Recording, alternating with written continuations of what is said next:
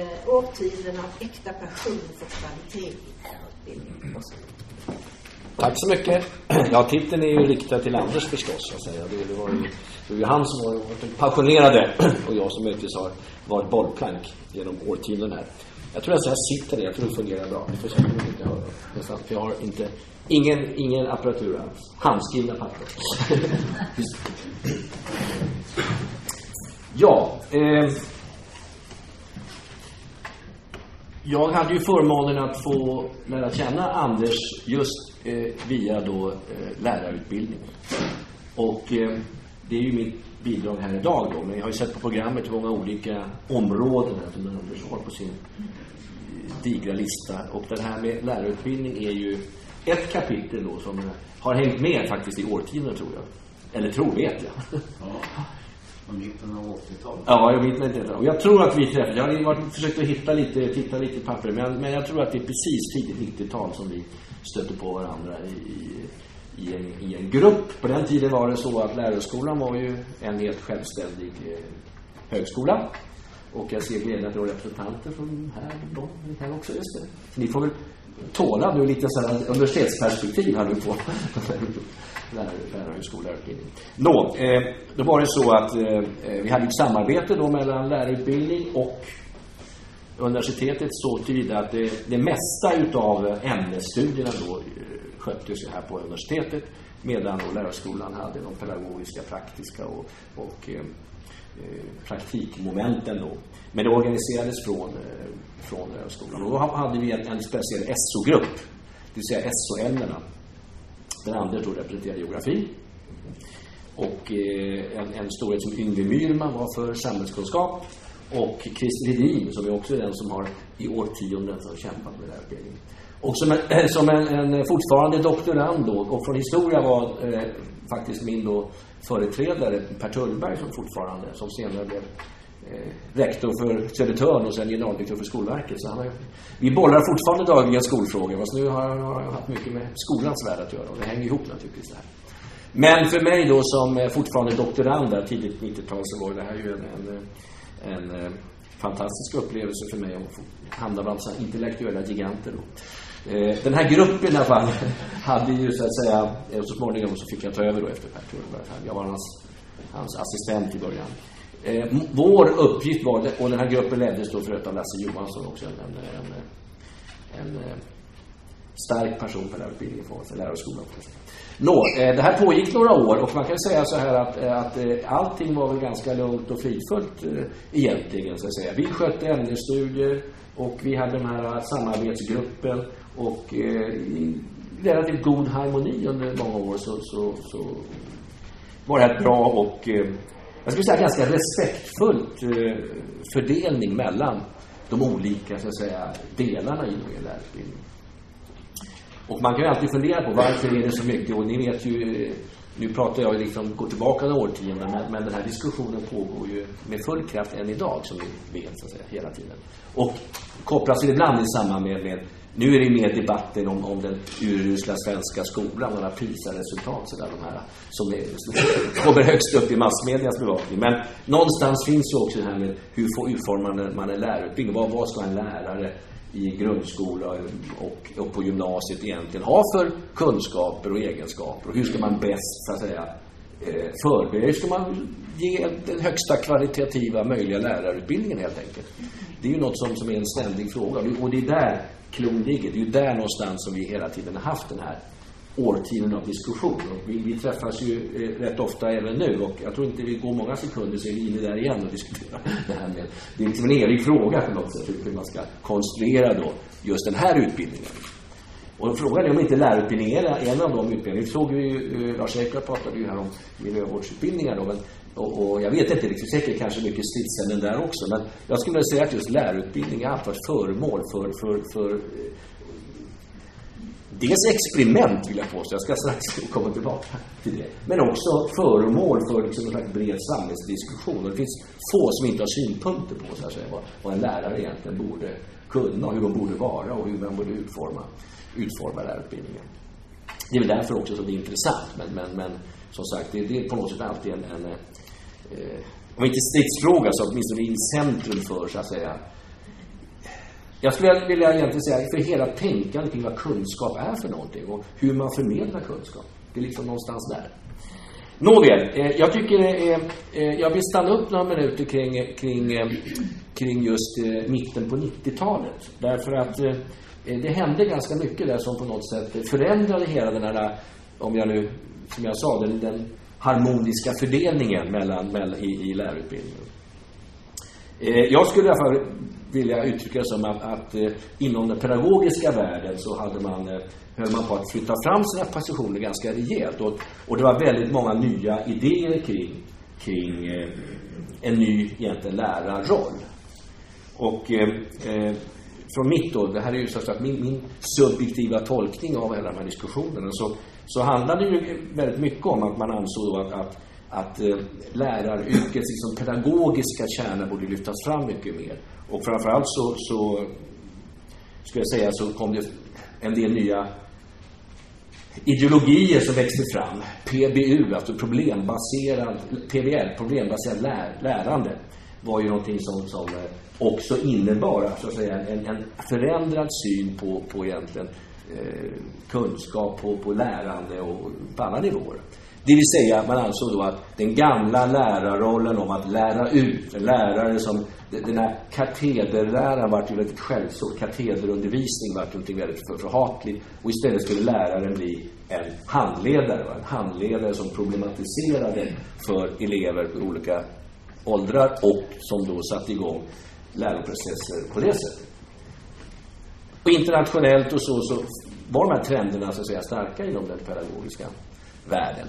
Och eh, väldigt mycket intressanta idéer kring detta. Och det finns, finns för få som, eh, som egentligen eh, kanske motsatte sig grundidéerna på, på, på, på, den, på den teoretiska nivån. Och jag vet mycket väl, för jag hade barn då som gick i, i småskolan och det här slog igenom så pass att även i, i ettan, tvåan, alltså åtta, nioåringar, så de lärde sig inte att de forskade. Det där begreppet kom in. Det var, fint. Man skulle Även de små barnen skulle forska, de skulle få en fråga, de skulle själv leta upp sin kunskap. Eh, ja, och he hela det här var, och jag, jag vill hävda, då får ju de som kan mer om pedagogik eh, säga att men det här var väl någonting som kom, kom ganska mycket från England, de man hade gjort upp skolan, eller förändrat skolan en hel del. Eh, eh, med mycket reformer så att säga. Och det finns ju de elaka överlackare som säger att det handlar mycket om att det här synsättet passade väldigt bra också för att spara in pengar så att säga. För nu, nu kunde man liksom, elever kunde mycket mer söka egen kunskap. Det behövdes ju färre lärare, det kunde kanske kan ha större klasser och så vidare. Jag vet inte om det är sant eller inte, men den, det, det, det, har i alla fall påpekats ibland att, att det, det, var ett bra sätt att, eh, och det jag vet inte, Thatcher-regimen har ju målats ut lite där som att man, man krossade lite den gamla skolan och införde det här nya. Eh, Ja, den diskussionen kom för övrigt sen till, till, till Sverige också. Nå, eh, spelade det här någon roll då? Ja, det gjorde ju det därför att eh, här menar man då att detta borde också då påverka hela lärarutbildningen då på sikt naturligtvis. Och eh, eh jag vet, de pedagogiska vindarna var väldigt starka här så det tillsattes också en utredning om att göra om lärarutbildningen. Och då, och det kännetecknande var ju här att man då eh, just sa det att, att det är att det ska vara själva, själva pedagogiska förmågan, det är den som står i centrum. Så att det behövs egentligen bara en lärarexamen. Och sen kan man ha så att säga olika inriktningar. Tidigare har man haft helt olika typer av examen. Som vi nu förut har gått tillbaka till. Pendeln har ju slagit tillbaka. Kommit fler så småningom. Men just den här tanken om att en lärare från ja, egentligen förskola ända upp till gymnasiet skulle vara en gemensam lärarexamen. Det är så kommer den här utredningen att heta sen också. Och de pedagogiska vindarna var starka och eh, eh, vi var väl kanske lätt eh, förvånade, kanske till och med förvirrade över så att säga det här. Alltså vi som då var representanter från universitetet, bland annat i den här SO-gruppen där vi deltog. Eh, vi tyckte väl kanske att det var att eh, vi hade väl rätt mycket synpunkter på eh, dels dels det rent ideologiska, ska jag säga. Vad finns, är det verkligen så? Det kan man fråga sig. Jag har inget tvärsäkert svar. Men jag är rädd att det är ganska stor skillnad på att undervisa barn 8, 9, 10 års ålder och gymnasieelever.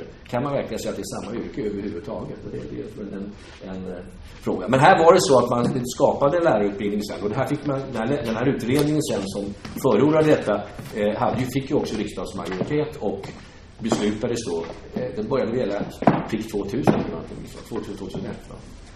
Eller om det är 99 2000. Det är precis i skiftet i alla fall. Ja.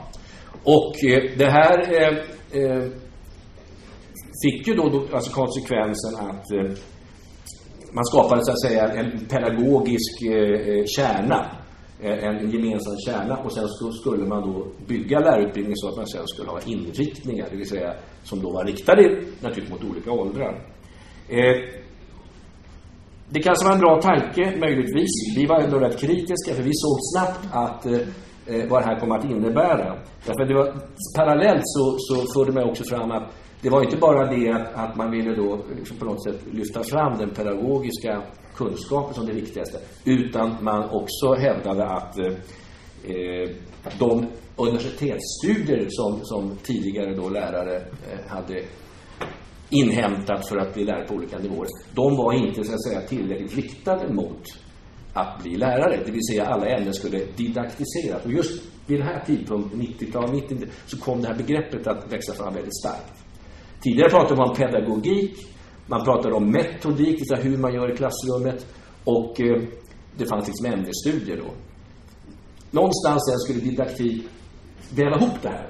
Det vill säga eh, själva lärandeprocesserna. Och det här vill jag påstå var en väldigt, väldigt eh, mycket stark trend och vind i den pedagogiska forskningen. Eh, det var ett modord och är kanske delvis än idag. Ingen visste precis exakt vad det betydde. Men det lät ju väldigt fint där att man skulle skapa så att säga, ett utrymme den här bron pratades om, mellan pedagogiken och ämnesstudier skulle didaktiken lösa, så att säga, kopplingen här.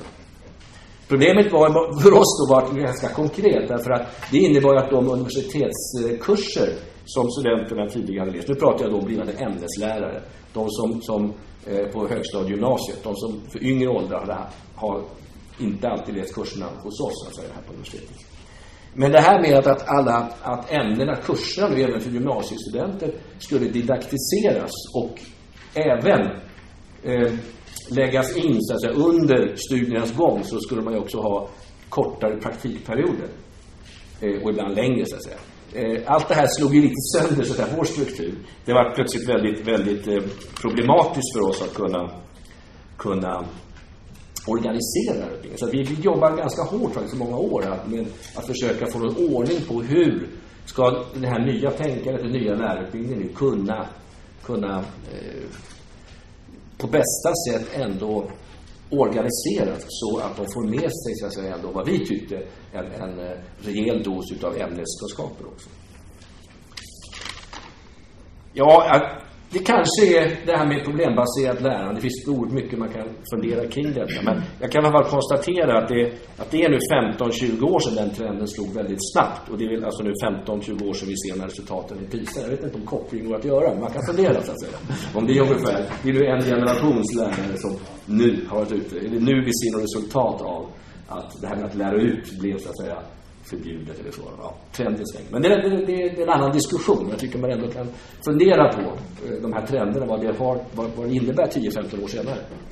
Nå, det var ju då de här kon konkreta konsekvenserna som bland annat Anders och jag fick brottas med. Så vi var då representanter också i de nya organ och nämnder som skapades på, lärare, på lärarhögskolan. Alltså representanter från universitetet.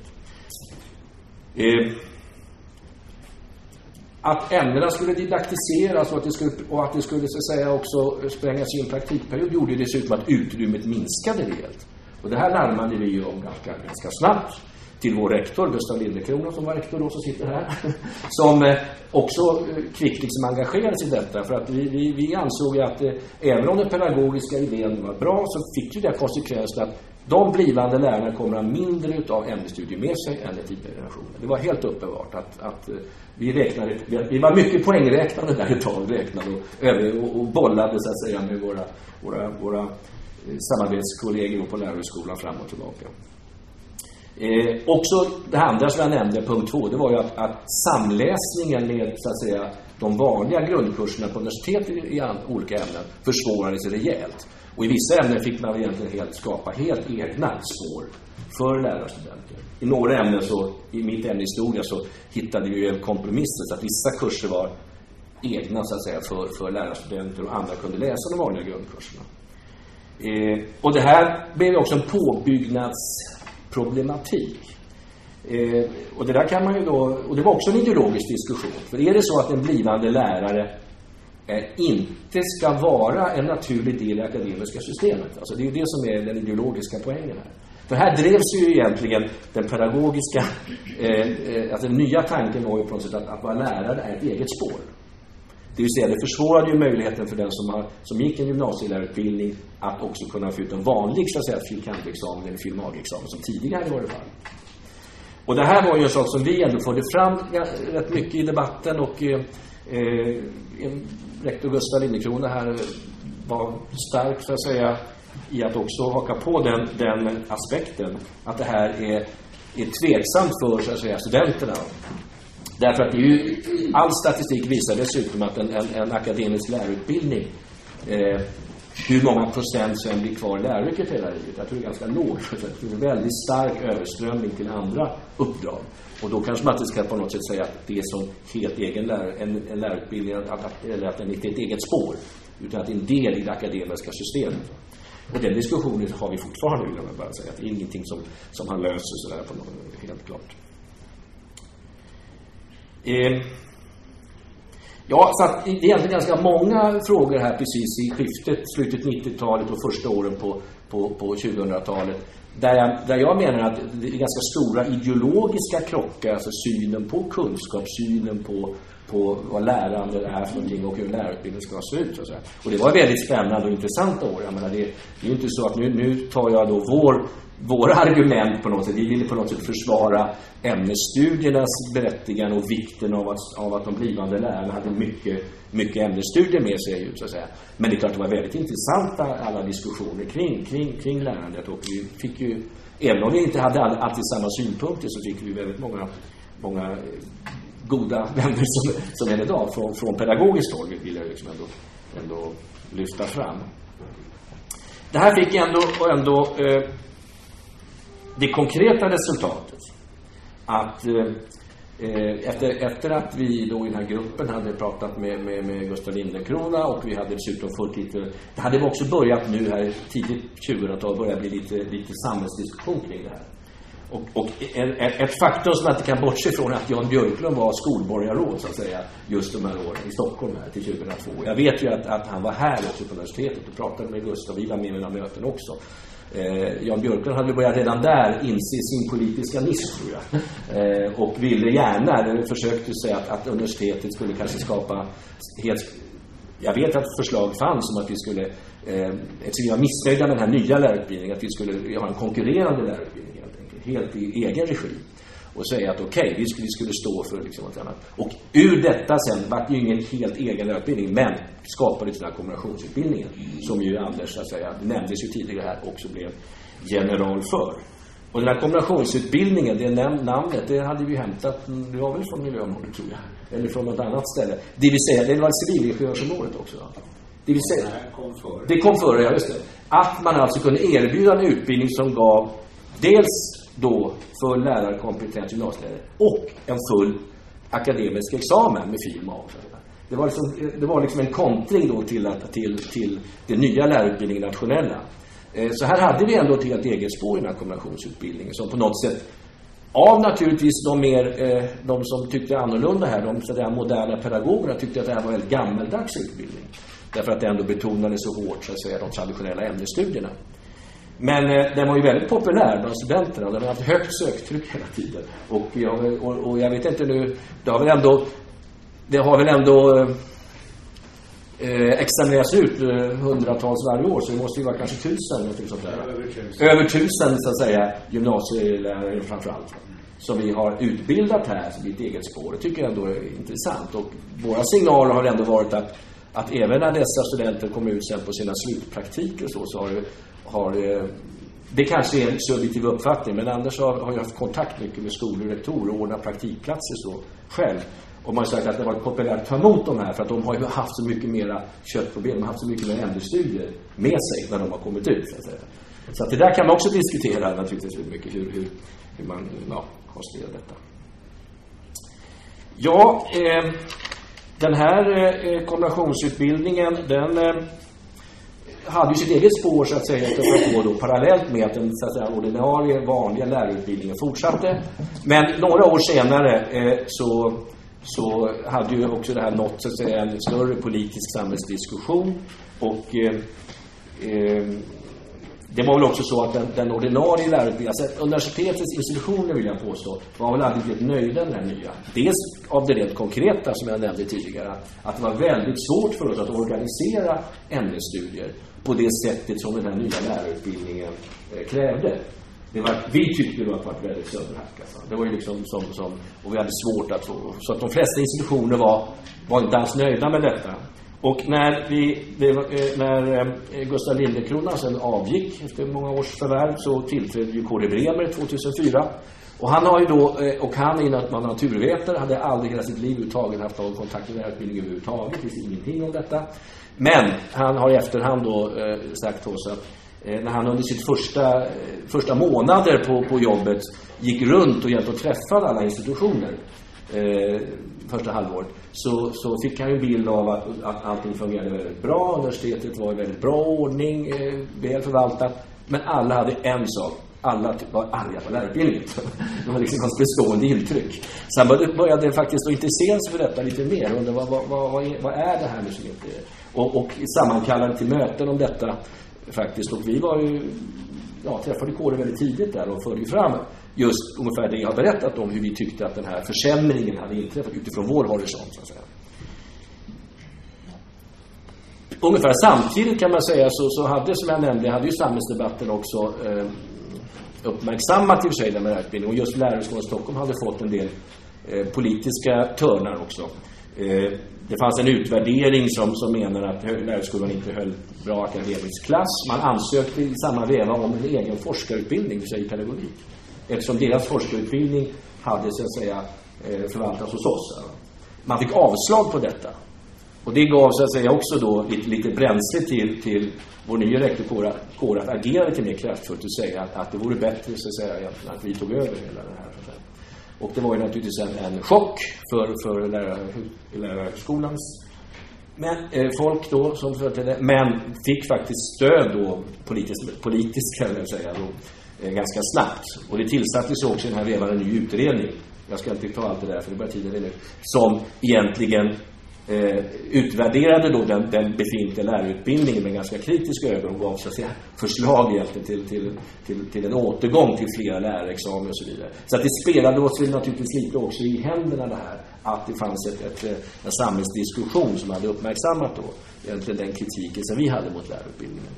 Och eh, även eh, dåvarande rektor Eskil Frank, eh, rektor för lärarhögskolan, efter, jag tror att efter avslaget om att lärarhögskolan Eh, och man kände väl också att departementets ganska negativa syn på, på lärarhögskolan som en fortsatt egen institution, alltså man fick avslag på egen forskarutbildning, så tyckte man att det var ganska mycket återvändsgränder. Och därmed tillsattes också sen den utredningen som, eh, som kom att kallas Regina-utredningen, eh, eh där jag själv var ganska aktiv då med under flera år, som egentligen satte igång hela den här processen med att att Eh, så småningom då integrera eh, hela lärarutbildningen eh, i Stockholms universitet som också innebar alltså en nedläggning av lärarskolan. Det är väl en, en av de större, jag brukar säga att det är nästan större så organisatoriska förändring som man nästan kan tänka sig inom utbildningsväsendet i modern tid. Faktiskt. Det var ändå 5 000 studenter och 500-600 anställda. 6 000 studenter var det eh, Nåväl, det tog ju några år så att säga att, att få detta på plats. Då kan man ju då fråga sig, för att försöka avrunda det här då, är liksom eh, allting frid och fröjd nu då? Nej, så enkelt är det ju inte, alltså jag sa tidigare. Man kan ju säga att den här diskussionen om hur man bäst, så att säga, eh, konstruerar lärarutbildningar, den är pågående. Och, den ser, och det ser verkligen olika ut i landet också. Nu kan man säga att vi egentligen här i Stockholm, tycker jag, det är en väldigt personlig subjektiv uppfattning, fortfarande sitter fast lite grann i att vi, vi har så att säga ämnesinstitutioner och den nya organisationen ser ut som att vi har nu särskilda institutioner för pedagogik naturligtvis, men också för, vi kallar det för didaktiska centra, det är så det ser ut nu på de olika fakulteterna. Men det innebär lite grann att den här motsättningen, den här kontoren, finns ju liksom inbyggd fortfarande i systemet. Va? Jag vet ju från andra håll i landet och i ämnet historia som ju finns på, på, som ett stort lärarutbildningsämne på, på högskolor och universitet i hela landet i princip, att man egentligen har vänt på det där. Det vill säga att det är ämnesinstitutionerna som plötsligt bygger upp en, en, en,